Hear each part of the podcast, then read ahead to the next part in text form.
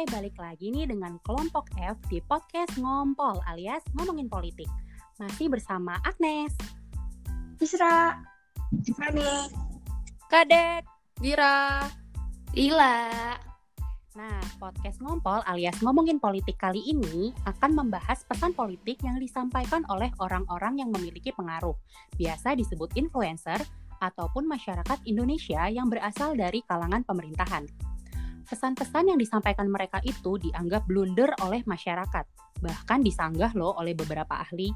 Duh, duh, kebayang malu nggak sih kalau kayak gitu? Penasaran kan siapa aja dan bentuk pesan apa aja yang disampaikan? Oke, kita mulai dari Ica. Well, kalian pernah dengar nggak sih gurau Bapak Wapres kita Ma'ruf Amin soal susu kuda liar bisa tangkal virus corona? Iya iya dengar pernah, pernah. Kocak sih itu. Parah. Iya, emang agak lucu sih karena setauku untuk bisa benar-benar membuktikan khasiatnya terhadap virus ini, ya harus dilakukan penelitian mendalam dan pasti butuh waktu yang panjang. Nah, menurut ahli kesehatan dilansir dari Halodoc, sejauh ini manfaat susu kuda liar di antaranya melancarkan pencernaan, memiliki kandungan gizi yang sama seperti ASI, dan untuk menjaga stamina. Sedangkan faktanya menurut WHO, orang dari segala usia memiliki potensi yang sama dalam terinfeksi virus corona. Dan sampai saat ini, belum ada makanan, minuman, ataupun obat khusus yang direkomendasiin untuk pencegahan atau pengobatan virus corona. Pak Wapres bisa guyon juga ternyata ya. Nextnya nih, di bulan Januari kemarin ada pernyataan dari Menteri Kesehatan kita, yaitu Dr. Terawan. Beliau mengatakan dari 1,4 miliar penduduk nih, paling ya 2 ribuan yang bakal kena virus corona. Karena itu pencegahannya jangan panik, jangan resah, enjoy aja dan makan yang cukup. Saat itu memang virus corona belum masuk di Indonesia, jadi kita mungkin bisa enjoy aja ya Pak. Kalau sekarang nih kan udah banyak nih yang terinfeksi. Nah ini gimana nih Pak? Statement beliau nih sempat bikin saya sebagai yang dengar aja tuh gergetan banget loh. Padahal menurut ahli kesehatan dan masyarakat luas pun umumnya pasti sudah pada tahu. Untuk mencegah virus ini tidak bisa hanya dengan makan cukup, lalu kita enjoy aja. Nah, sepintas dari kata-kata dokter Terawan ini mengenai enjoy aja, terkadang diperlukan guys untuk meredam kepanikan masyarakat, terutama bagi mereka yang belum mengetahui virus corona ini.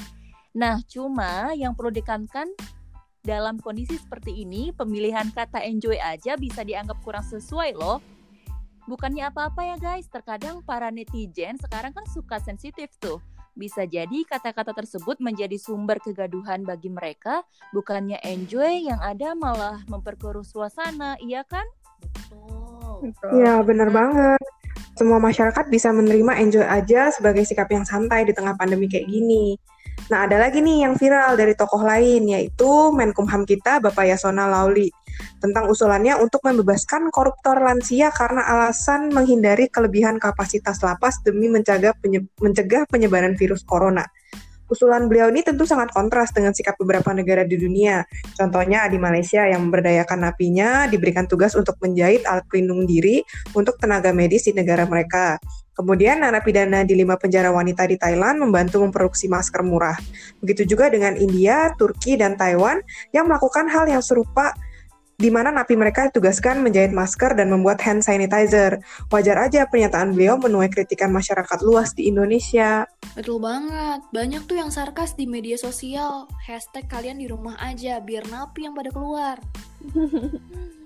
Nah, untungnya guys, Bapak Presiden kita, yaitu Bapak Jokowi, langsung merespon melalui pesan yang mengingatkan kepada semua menteri dan pejabat untuk berhati-hati dalam membuat statement terlebih lagi dengan segala informasi yang berkaitan dengan hukum. Wah, wah, pernyataan Pak Jokowi ini layak untuk diapresiasi ya. Nah, ini semestinya menjadi teguran keras nih bagi Menteri Hukum dan HAM untuk tidak lagi merencanakan kebijakan-kebijakan yang pro terhadap koruptor. Oke, setelah pembahasan kita barusan, jadi gimana nih guys menurut kalian pesan politik dari ketiga tokoh pemerintahan ini? Bener sih, pesan-pesan yang disampaikan nih blunder banget sebenarnya guys. Ya emang blunder, kasihan aja sih masyarakat Indonesia yang langsung percaya Dan lagi, kasihan juga sama tokoh-tokoh politiknya, karena pesan mereka sendiri malah jadi banyak netizen yang mencibir. Nah, tanggapan kalian barusan itu relate banget loh sama efektivitas kekuasaan dalam mendeliver pesan politik kepada rakyat. Seperti pesan politik dari Pak Wapres Ma'ruf Amin, Pak Menkes Dr. Trawan, dan Pak Menkumham Yosana Lauli. Mereka ini kan memiliki otoritas sehingga dapat mendeliver pesan komunikasi politiknya kepada masyarakat Indonesia. Ya tapi itu tadi bisa menimbulkan pro dan kontra sebagai komunikator politik, mereka menyampaikan pesannya menggunakan bahasa atau lambang jaminan semu, di mana boleh kritik asal membangun. Nah, sekian ya guys perjumpaan virtual kita kali ini. Semoga bermanfaat. Jangan lupa ya nantikan sesi ngompol berikutnya. Dah. Dah. Dadah.